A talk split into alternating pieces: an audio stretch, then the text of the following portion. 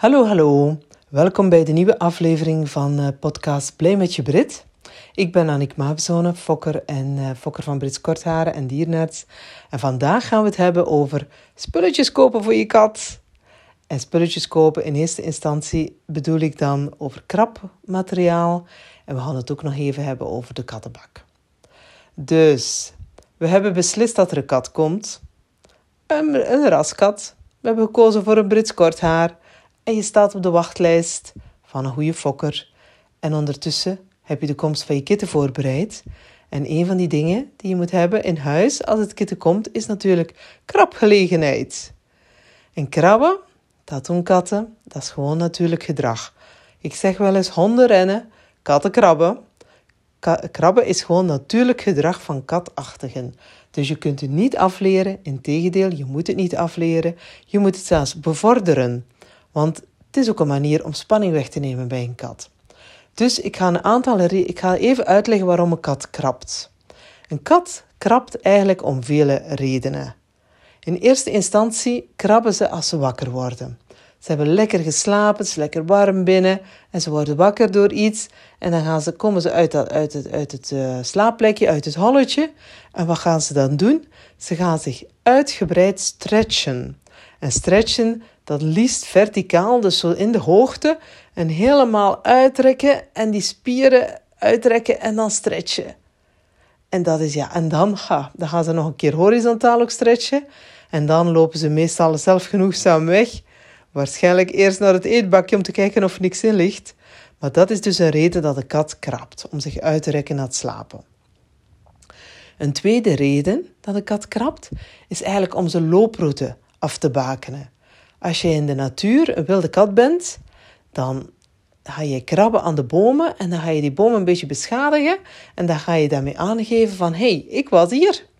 Dus het is een stukje visuele krabmarkering. Dus ze gaan iets, iets stuk maken. Ze gaan die bomen een beetje stuk maken of ze gaan die krabpaal even ja, beschadigen. En dan kun je dat zien dat ze daar geweest is, dat ze daar geweest zijn. En ze laten ook een heurstof achter. Die heurstof zit aan de pootjes, dus door die heurstof kunnen andere katten dan merken van hé, hey, die kat is hier langs geweest. Dus tweede reden, tweede reden om te krabben is om de looproute af te bakenen. Wat doen ze ook? En dat zul je merken als, je, als die kat krabt waar jij bij bent, dan, gaan ze zich, dan heeft ze een soort visueel signaal. Dus kijk eens hoe groot en sterk ik ben. Dus ze gaan heel uitgebreid zich klaarzetten om te krabben. En dan is heel goed en, en, en, en vol zelfzekerheid is goed is krabben aan, aan iets, aan de, aan de krabpaal. Dat is zo van, kijk eens wat een grote kat ik ben. Dus dat was de derde reden om te krabben. Vierde reden is eigenlijk het verwerken van spanningen. Dus in conflict situaties met andere katten en als ze bijvoorbeeld gefrustreerd zijn omdat de deur dicht is, dan gaan ze daar krabben. Dus het is een manier om, om te zeggen van hé, hey, er staat mij hier iets niet aan en ik kan er niet goed mee om. Ik ga hier even flink krabben. En dat is eigenlijk ook wel goed dat ze dat kunnen. Het is een manier om spanning af te, af te reageren. Waarom krabben ze nog? Vaak aan het begin van een spel. Dus als ze dan klaar zijn met slapen en ze hebben, eens, ze hebben gegeten en ze, ze lopen eens rond en uh, het is zo'n zot half uurtje s'avonds, dan zul je merken dat ze beginnen met, met krabben als ze willen spelen. Dus het is een soort kwijtraken van speelse energie. En dat doen ze eigenlijk ook uh, omdat andere katten dat zouden zien en ook in beweging komen en een stukje om, om speelgedrag uit te lokken. Dus om de aandacht te trekken van iemand. Dus iedereen kijkt, als ze krabben, en flink krabben op de krabpaal, dan gaat iedereen even, even hun richting uitkijken. Dus dat vinden ze, dan krijgen ze aandacht. Dus eigenlijk om speelgedrag uit te lokken of het spel te beginnen, kwijtraken van speelse energie. En een laatste reden dat ze krabben, is eigenlijk de reden dat iedereen denkt dat ze krabben om hun nagels te scherpen. Dat is, dat is niet helemaal zo, dus ze scherpen hun nagels niet. Wat ze doen is uh, de, de klauwtjes van, van katten, daar zijn, die, die, die vernieuwen zich van binnenuit. Dus die oude hoesjes, op een bepaald moment moeten die verwijderd worden. Die, die komen los. En door dat krabben verwijderen ze die oude nagelhoesjes.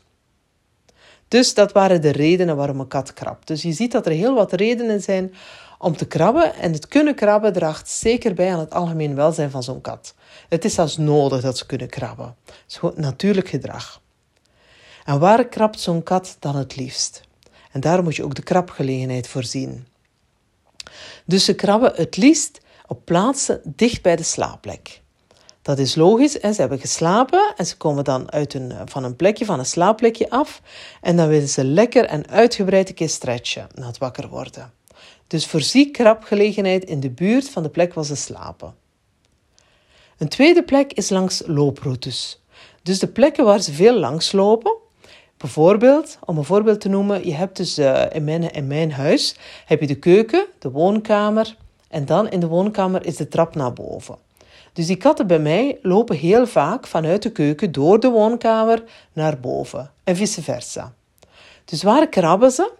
Altijd op die plek waar ze langskomen in de woonkamer. Toevallig staat er nu een zetel en altijd de achterzijde van die zetel, daar moet aan gekrapt worden. Ik zou dan natuurlijk ook een, eh, een krabmeubel... Ik zou er eigenlijk moeten een krabmeubel zetten, maar dat staat dan een beetje in de weg voor ons, vandaar dat ik dat niet doe.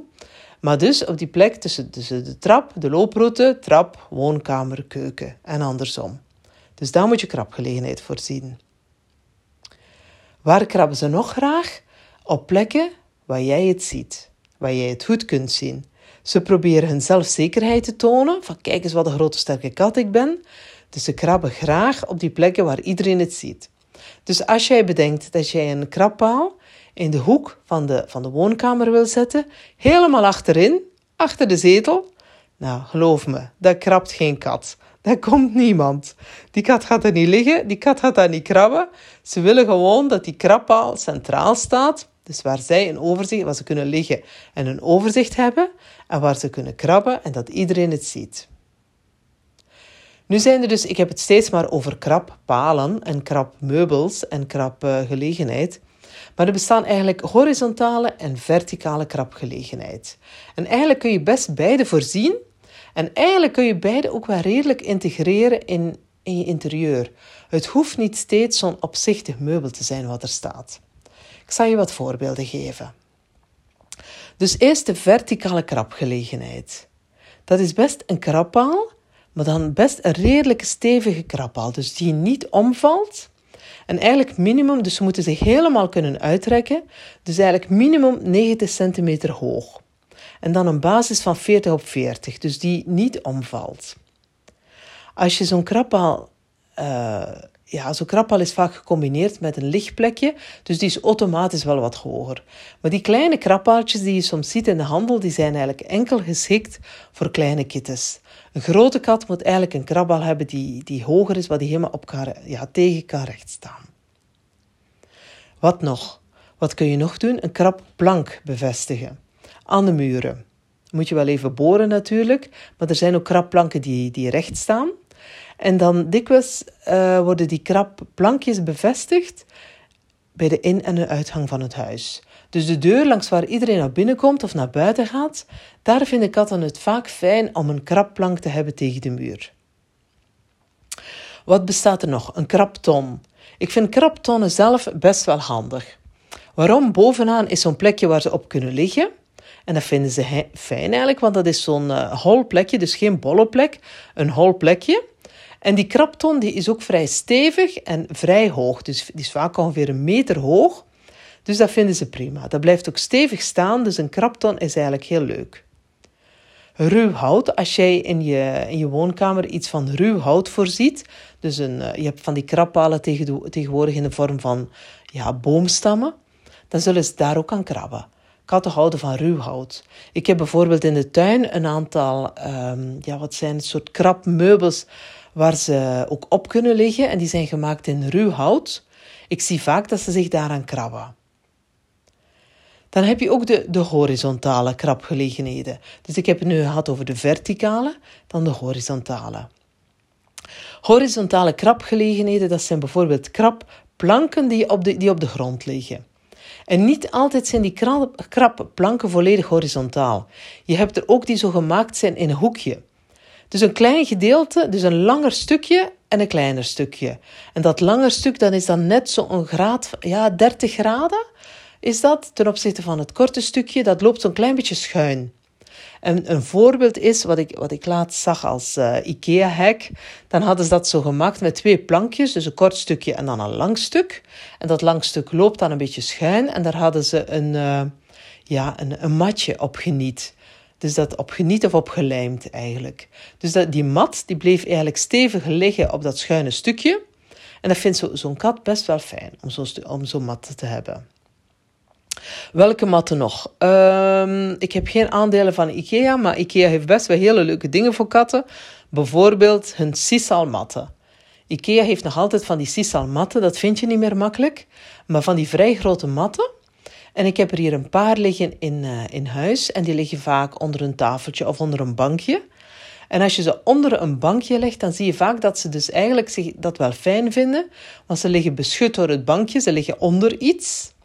En dan is er toch die sisalmat om een keer goed aan te krabben als ze klaar zijn met slapen. Dus een, een sisalmat is zeker een aanrader en ook gezellig.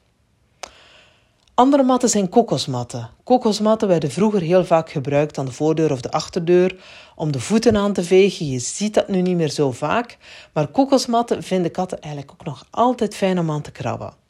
En zelfs gewone matten, dus die matten, die, die, die vuilloopmatten, of hoe noem je dat? Die matten die liggen aan de voor- en de achterdeur, ook daar krabben ze wel eens aan.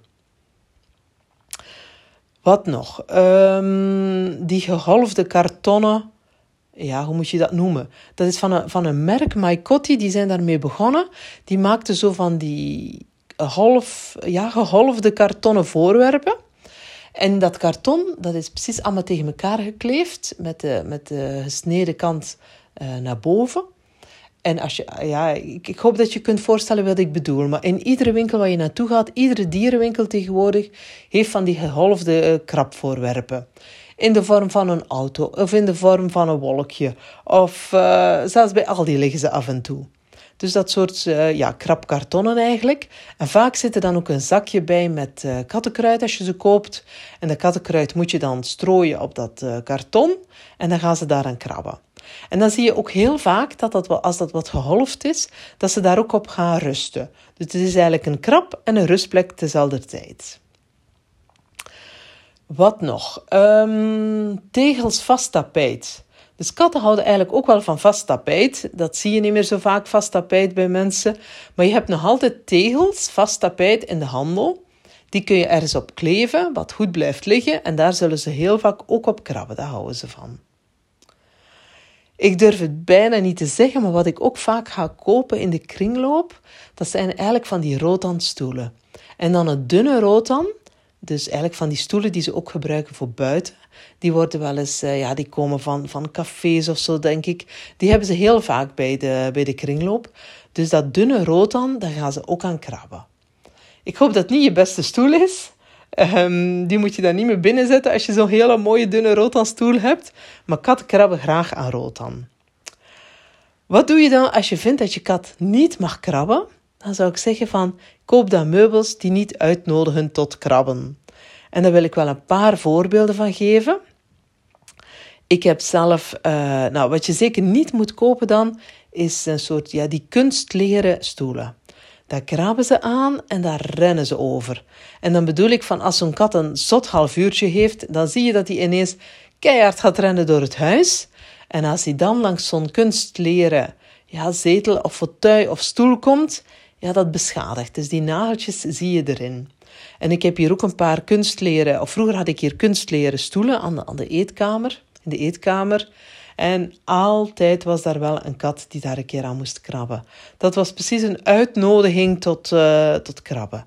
Dus geen kunstleren stoelen nemen je moet ook kijken van als je een, een eh, fauteuil koopt of een zetel koopt, hoe dik, is de, of hoe dik is de stof geweven? Als de stof heel dun, heel dun geweven is, dus eigenlijk een hele vla, vlakke, gladde stof, dan zullen ze er minder aan krabben. Als je stof ruw geweven is, dus vrij, ja, dat de garen dik zijn en, en ver van elkaar liggen, dat nodigt eigenlijk wel, wel uit tot, uh, tot krabben. Dus zo'n zetel kun je beter niet kopen. Vroeger had je bij IKEA ook die zetels die van een soort ja, dikke katoen. Ik heb lange tijd zo'n witte, dikke katoen uh, overtrek gehad op mijn zetel. Dat was eigenlijk ideaal, want dat kregen ze niet kapot. En bovendien was mijn witte overtrek goed te wassen. Dus dat was eigenlijk vrij ideaal. En tegenwoordig heb ik nog een fauteuil in polyesterstof. Dat, is de, dat heet de Muren Relax fauteuil van IKEA. Nou, die krijgen ze dus blijkbaar ook niet kapot gekrapt. Ik zie ze daaraan krabben, ik hoor ze wel eens krabben. Er zit een klein beetje schade op, maar je staat hier ook al, ja, ik denk tien jaar of zo, best lang. Dus een dikke, dus, ja nee, een dunne, wat gladdere stof, polyester bijvoorbeeld, of, of een dunne, ja, een dikke katoen, maar dan wat gladder geweven. Dat doen ze minder schade aan, dat maken ze minder snel kapot, dat krabben ze niet zo vaak aan dan aan een ruw geweven stof. Dus daar moet je wel even rekening mee houden. Dus tot zover over, over krabben. Dan, wat heb je nog nodig? Minstens één kattenbak en eigenlijk liefst twee kattenbakken. Als je kitten komt, dan is een van de eerste dingen wat het kitten moet zien de kattenbak. Dus die kattenbak die moet heel duidelijk aanwezig zijn, niet twee kamers verder, maar op de plek waar jij het kitten gaat loslaten. Hij gaat s'nachts uh, ja, zijn omgeving verkennen en dan moet hij de kattenbak vanzelf tegenkomen. En in het begin, je dus welke, welke kattenbak koop je nu? Een kattenbak die, die groot is, maar ook niet de allergrootste. Een Brits korthaar wordt nu ook niet zo mega groot. Hè? Dus geen XXL-formaat of geen XL-formaat, een gewoon formaat katten, kattenbak. En in het begin dus best één met een deksel. Een deksel en aan zo'n deksel is er ook altijd zo'n zo'n klepje. Maar dat deksel dat kun je er best afhalen in het begin. Dat kun je er later weer opzetten, maar dat kun je in het begin best eraf halen. En dat klepje, dat is eigenlijk niet zo fijn voor katten. De meeste katten houden niet van zo'n klepje. Als jij in die kattenbak gaat en je krijgt iedere keer zo'n klepje tegen je neus en tegen je snorharen, nou, er zijn fijnere dingen, hè? En waar plaats je de bak? Op een rustige, goed bereikbare plek. Dus kat, een kat moet op zijn gemak zijn als hij op de bak gaat. Dat betekent dat hij niet ja, langs een, uh, echt langs een doorgang moet, moet staan of, of op een plek waar heel veel mensen komen, waar het druk is. Best een beetje, een klein beetje ja, uit de weg, zeg maar. En dan ook niet in de buurt van het eten of het drinken. De kittens die kennen de bak, dat, uh, dat leren ze vanzelf van hun moeder. Wij zorgen ook dat er meerdere bakken staan. Dus als de kitten, soms hebben kittens de neiging om onzindelijk te worden. Als ze niet gauw een bak vinden, dan durven ze wel eens in de hoek van een, uh, van een kamer uh, hun behoefte doen. Dus dan zetten wij altijd in die hoek van die kamer waar ze zijn extra kattenbakken bij, zodat ze eigenlijk automatisch, dat er bijna geen hoeken meer over zijn waar ze kunnen een behoefte doen, behalve op een kattenbak. Dus ze hebben eigenlijk heel goed aangeleerd om op de bak te gaan. En het is dus belangrijk als jij thuis komt dat daar ook een bak staat met fijn zand, waar ze eigenlijk vrij snel kunnen opgaan. Verwijder wel even de, de, de matjes en de en eventueel los, ja, kleren die op de grond liggen, of katten die, of um, handdoeken die op de grond liggen. En een kitten heeft nogal de neiging om op iets te gaan wat lekker zacht is. Dus als daar een handdoek ligt, of een dweil, of, uh, of kleren die rondslingeren, of de krant die op de grond ligt, of papieren, ja, dan zou het wel eens kunnen dat het kit daarop gaat. Dan heeft hij niet zo snel als nodig de bak gevonden. Dan heeft hij dringend aandrang. Hij moet op de bak. Hij vindt de bak niet. En dan gaat hij op iets wat zacht is. En als hij dat één keer gedaan heeft, ja, dan kan het wel eens zijn dat hij dat nog een keer doet. Dus dan moet je onmiddellijk maatregelen nemen. Dus al die spullen verwijderen waar hij op gaat. En op die plekken waar hij gegaan is, onmiddellijk een bak zetten. Die bak die zul je nadien wel kunnen verwijderen weer en dat die terug op die andere bak gaat. Maar zet dan maar voor die periode even voor alle zekerheid daar ook een klein bakje. Dus conclusie, dekens, matjes, tapijtjes. Even verwijderen in het begin dat je kitten er is. Wat moet ik nog zeggen over de bak? Dus fijne kattenbakvulling kopen, niet geparfumeerd. En dan regelmatig dus elke dag de bak leegscheppen. En wekelijks de bak helemaal schoonmaken. En waar maak je de bak mee schoon? Niet met Dettol, niet met Dettol, niet met te veel schoonmaakproducten. Eigenlijk liefst gewoon met, uh, ja, met een klein beetje dreft of een beetje kokend water. En als je nou echt een, eh, een, een, uh, ja, een beetje een freak bent, nou ja, freak. Als je het bak eens willen ontsmetten, gebruik dan uh, bleekwater. Dus gewoon Javel verdund. En dat geeft voor katten eigenlijk een vrij aantrekkelijke geur. Dus een bak die schoongemaakt is met verdunde javel, daar zullen ze met plezier terug op gaan. Nadien. Goed, dit was even over, uh, over, over kattenbakken en alles wat erbij komt kijken, over krapgelegenheid. In de volgende podcast zullen we het nog hebben over eten en drinken en slapen. Maar ik hoop dat jij alvast helemaal blij wordt van het uh, voorbereiden van de komst van je kitten. En tot binnenkort. Dag!